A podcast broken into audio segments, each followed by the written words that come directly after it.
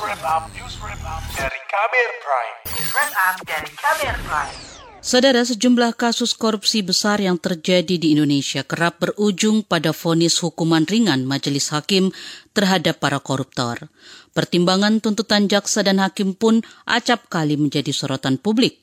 Salah satunya kasus suap izin ekspor benih lobster senilai lebih dari 25 miliar rupiah yang dilakukan bekas Menteri Kelautan dan Perikanan KKP Edi Prabowo. Ex-politikus Partai Gerindra ini awalnya difonis hukuman pidana lima tahun penjara serta denda 400 juta rupiah oleh Ketua Majelis Hakim Albertus Usada menjatuhkan pidana kepada terdakwa dengan pidana penjara selama lima tahun dan denda sejumlah 400 juta rupiah.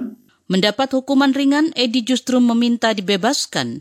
Dalam pledoinya, ia beralasan punya istri salihah dan tiga orang anak, sehingga tuntutan penjara dan denda tersebut sangat berat baginya. Akan tetapi, usaha itu gagal.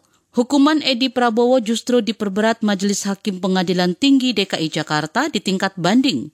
Majelis Hakim menjatuhkan pidana penjara 9 tahun untuk Edi. Fonis ringan lain didapatkan terdakwa kasus korupsi miliaran rupiah dari program bantuan sosial Bansos, yakni bekas Menteri Sosial Juliari Batubara. Saat itu, Jaksa Penuntut Umum JPU KPK menuntut majelis hakim untuk menjatuhkan hukuman 11 tahun penjara dan denda sebesar 500 juta rupiah subsidiar 6 bulan kurungan.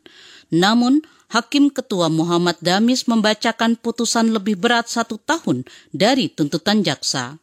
Menyatakan terdakwa Juliani P. Batubara telah terbukti secara sadar yakinkan bersalah melakukan tindak pidana korupsi secara bersama-sama dan berlanjut sebagaimana dakwaan alternatif satu penuntut umum menjatuhkan pidana oleh karenanya terhadap terdakwa dengan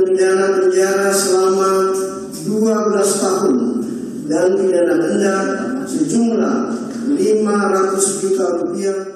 Serangkaian vonis dan putusan tersebut dikritisi lembaga pemantau anti korupsi ICW. Peneliti ICW, Kurnia Ramadana menilai tuntutan KPK terhadap para koruptor kelas kakap tersebut cukup rendah dia mencontohkan tuntutan kepada Edi Prabowo hingga Juliari Batubara. Padahal kasus Juliari misalnya dilakukan pada program bantuan sosial untuk korban pandemi COVID-19. Korupsi itu dilakukan saat Indonesia menghadapi pandemi dan dilakukan seorang menteri sosial. Menurut dia, tuntutan itu mengkerdilkan rasa keadilan masyarakat. Kurnia menyebut hukuman penjara seumur hidup dan denda maksimal semestinya diberikan kepada kedua koruptor tersebut. Kita cermati, pasal 12 huruf A itu minimalnya 4 tahun, maksimalnya 20 tahun, bahkan bisa dihukum seumur hidup. Jadi pesan itu sangat ringan sekali dan sangat melukai hati publik. ICW mendorong majelis hakim mengabaikan tuntutan penjara dan denda yang diajukan penuntut umum yang rendah kepada para koruptor, untuk kemudian menjatuhkan vonis maksimal, yakni seumur hidup. Sementara itu, bekas Wakil Ketua Komisi Pemberantasan Korupsi KPK, Laude M. Sarif mengatakan vonis ringan koruptor mencerminkan perlunya revisi Undang-Undang Tindak Pidana Korupsi, Undang-Undang Tipikor. Sebab dia menganggap UU Tipikor yang sekarang tidak akan membuat jera para koruptor. Saya itu percaya dengan efek jerah itu kalau konsisten dilakukan itu bisa membuat orang berpikir dua tiga kali untuk melakukan korupsi. Kalau betul-betul konsisten ya.